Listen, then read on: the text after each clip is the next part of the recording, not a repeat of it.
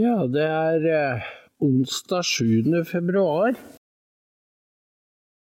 I går var vi i Skien og var med å stifte lokallag der nede. Og det var riktig hyggelig. Det var godt fremmøte. Folk er tent. De er mottagelige. Og jeg får jo øvd meg og gått gjennom hva det er som er problemen, altså erkjennelsesproblemer, for det har vi hele tida. Og hvordan skal vi angripe, uh, få folk med oss? Dette er problemstillinger som kommer igjen og igjen. Og jeg har noen, noen nye svar. Jeg sa f.eks. at uh, man må ikke fortvile fordi man ikke får folk med seg. Fordi hvis vi bygger et fellesskap som er ekte, hvor vi har respekt for hverandre og har de verdiene Norge er bygget på, og holder en diskusjon, en samtale gående som endevender. Hvor, hvordan havna vi her? For det er jo det folk er liksom helt lamslått over ikke bare farten, men retningen. Og dette var folk åp veldig åpne for, at retorikk og kunnskap er viktige verktøy for å få folk i tale. Og jeg er overbevist om at det arbeidet vil gi bære frukter over tid. Ta nå bare fallet i seeroppslutning om Dagsrevyen. 140 000 på noen år. Samme er det med nedgangen i avisene. Pilene peker ned. Og hvorfor det? Jo, vi vet jo svaret. Det er fordi mediene er blitt stadig mer ideologiske, på tvers av befolkningens ønsker. Og de tar ikke signalene. Tvert imot, de øker. De skrur opp volumet. Og da bare går folk sin vei. Men hvor går de, spurte man i går. Hvor blir det av disse 140 000?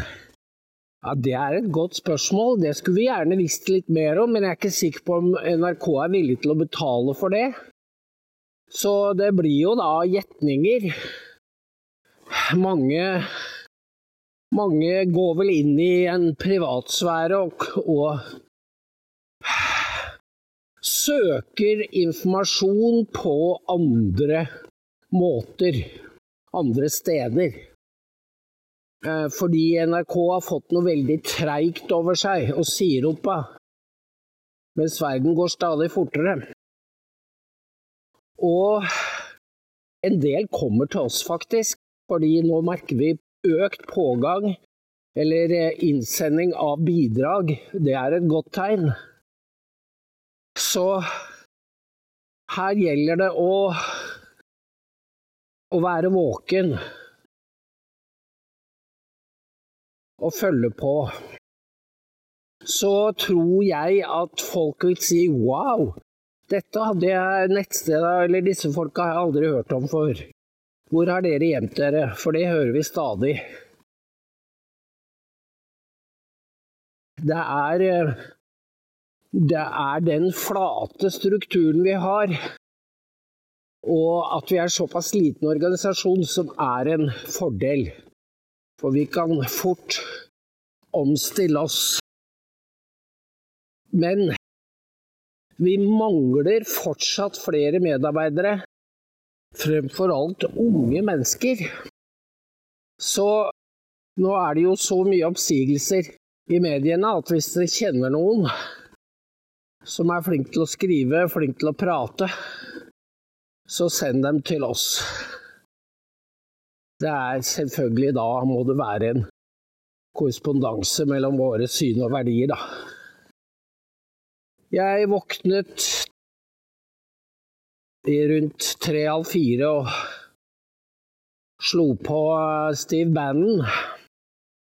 Og da, Det var et magisk øyeblikk, for da foregikk avstemningen i Representantenes hus om riksrettssaken mot Mallorcas. Og dette er jo som i det gamle romerske senatet, hvor man bærer en dolk under togaen, og så knivstikker man Cæsar.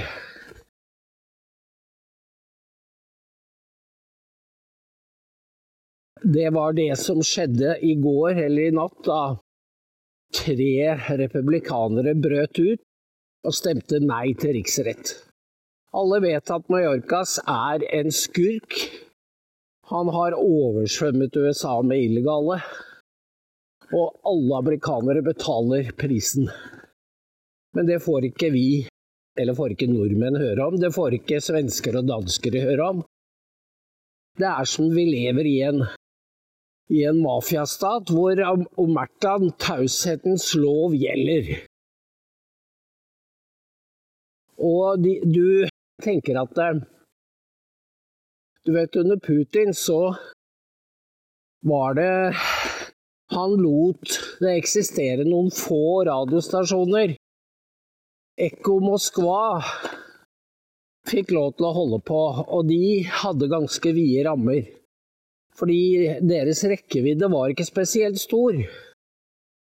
Og sånn er det jo også i dag at myndighetene og eliten syns det gjør ikke så mye at det fins noen Eller at folk kan søke opp informasjon på alternative nettsteder i USA. Fordi det er ikke så mange som gjør det foreløpig. Men det er jo en voksende gruppe, og så får de da kanskje det første pushet fra oss.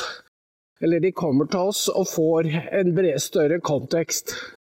For det krever, litt, krever et visst overskudd å komme i gang. Og da Da er det jo sånn at du går ikke tilbake til NRK. Da er du fed up forever. Og den avskallingen, den pågår, og den har pågått lenge. Og jeg tror den kommer til å øke i 2024 hvis norske medier holder på med denne dumskaps- og hatefulle presentasjonen av det som skjer i Amerika. Fordi det har ikke noe med virkeligheten å gjøre. Det er rent hat hatpropaganda. Så du kan ikke du kan ikke bruke den til noe. Altså, du, ikke, du forstår ikke Amerika. Du bare hater naboen som hvis han Du vet at han liker Trump.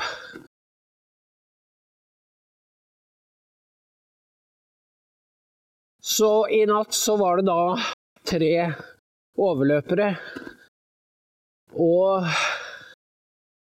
så var det en samtale med Mike Davies. Han er en utrolig flink fyr, og han har jobbet for to høyesterettsdommere. Altså, den jobben å være assistent til høyesterettsdommerne, den er gjev og lærerik. Og Mike Davies er Han er vel påtenkt som en mulig justisminister i en ny Trump-administrasjon. Og det er klart at da Det er en grunn til at de prøver å putte Trump bak lås og slå. Fordi han har så mye ikke bare flinke folk, men som kjenner Bidens hemmeligheter. Og Mike Davis snakket om dette at de skal frata Trump immuniteten. Hva betyr det? Jo, det betyr at neste republikanske president, det trenger ikke være Trump, kan reise sak mot Obama og mot hans juridiske rådgiver, som jeg ikke husker navnet på, men han er nå føderal dommer. Og disse to er ansvarlige for at en amerikansk borger ble drept i utlandet uten noen rettssak. Det var den han jihadisten Anwar al-Avlaki. Han var ikke akkurat noe mors bestebarn. Men det var altså en utenomrettslig henrettelse. Det som var med såkalte Hellfire-missiler. Men det som er enda verre, var at det var i Jemen, så vidt jeg husker. Det var at sønnen hans på 17 år dro for å lete etter faren. Ja, og så tok de ut han også. Så eh, Obama fikk jo navnet dronekrigeren. Men det er ingen som hittil har nevnt at Obama kunne bli stilt for en domstol. Men det kan han hvis, hvis de gjør det de sier mot Trump. Så åpner de Pandoras eske. Og da er det for ikke å snakke om Biden-familien. For der står jo skandalene i kø.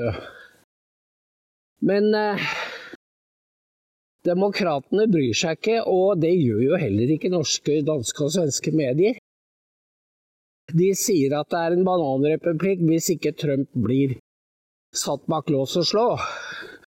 Det er deres versjon. Så det er en intellektuell latskap som jeg aldri har sett maken til i mediene. Og den er litt skummel, fordi den går jo da sammen med jødehatet. Så vi er ved å skru oss ned fordi vi har fått en mobb. Jeg har et bilde liggende av en stor propalestinsk demonstrasjon i Milano. Eh, det er altså et folkehav. Riktignok en ikke veldig bred gate, men allikevel.